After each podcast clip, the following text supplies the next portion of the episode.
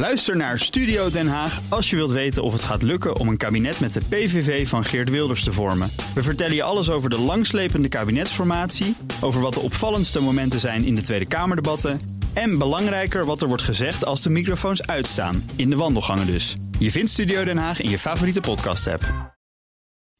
De column van Paul Lasseur. Het eindeloze gezeik over afschaffing van dividendbelasting kwam vrijdag abrupt een einde. En gelukkig maar, want wat was dat een zielige vertoning. Met als toppunt nog wel dat de hele zaak uiteindelijk helemaal niet in Den Haag is beslist, maar in Londen. Toch werd het besluit van Unilever om zijn hoofdkantoor niet naar Nederland te verplaatsen door de oppositie gevierd als een overwinning. In de verwrongen schijnwereld van de politiek is het kennelijk een goede zaak dat een groot bedrijf straks kiest voor Londen boven Rotterdam. In de echte wereld is wel meteen duidelijk dat die Haagse poppenkast van het afgelopen jaar rond de dividendbelasting alleen maar verliezers oplevert. Oppositiepartijen in de Tweede Kamer mogen van mij best juichen om de afgang van Mark Rutte, maar het is buitengewoon kortzichtig. Want de politieke nederlaag van onze premier valt volledig in het niet bij de maatschappelijke en economische schade op lange termijn.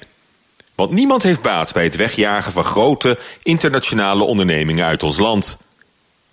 Het zijn de kroonjuwelen van ons bedrijfsleven. Philips, Axo, Unilever, DSM, Heineken, Shell, noem ze maar op. Sterke multinationals die al vele tientallen jaren zorgen voor innovatie en werkgelegenheid, internationalisatie en professionaliteit. Het visitekaartje van de Nederlandse economie in het buitenland. Daar moeten we trots op zijn en alles in het werk stellen om te voorkomen dat ze dit zure Hollandse polderklimaat ontvluchten of worden overgenomen.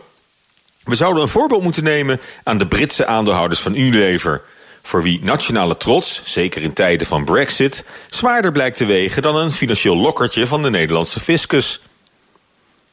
Tussen het bedrijfsleven en de politiek gaat een steeds diepere kloof, en dat is zorgelijk. Wat begon bij de banken, heeft zich de laatste jaren uitgebreid naar alle multinationals. Bankbashing is nu business bashing. Ten onrechte worden grote corporates in het politieke debat tegenover de maatschappij geplaatst als de vijand. Het meest treffend komt dat tot uiting in de frame van Mark Rutte als premier van alle multinationals en niet van alle burgers. Alsof dat elkaar per definitie uitsluit. Integendeel zou ik zeggen. De hele samenleving profiteert van ondernemingsvriendelijk beleid en een gunstig vestigingsklimaat. Het bedrijfsleven is de kurk waarop onze welvaart drijft. Daar wordt het geld verdiend, waarmee de sociale verzorgingsstaat overeind wordt gehouden. We hebben ze keihard nodig als we onze positie willen handhaven als een van de rijkste landen van de wereld. De aardgasjaren zijn voorgoed voorbij. Prettige maandag.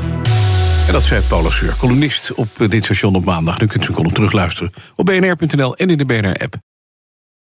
Ook Thomas van Zeil vind je in de BNR-app. Je kunt live naar mij luisteren in Zaken doen. De BNR-app met breaking news, het laatste zakelijke nieuws... en je vindt er alle BNR-podcasts, bijvoorbeeld Het Nieuwe Geld. Download nu de gratis BNR-app en blijf scherp.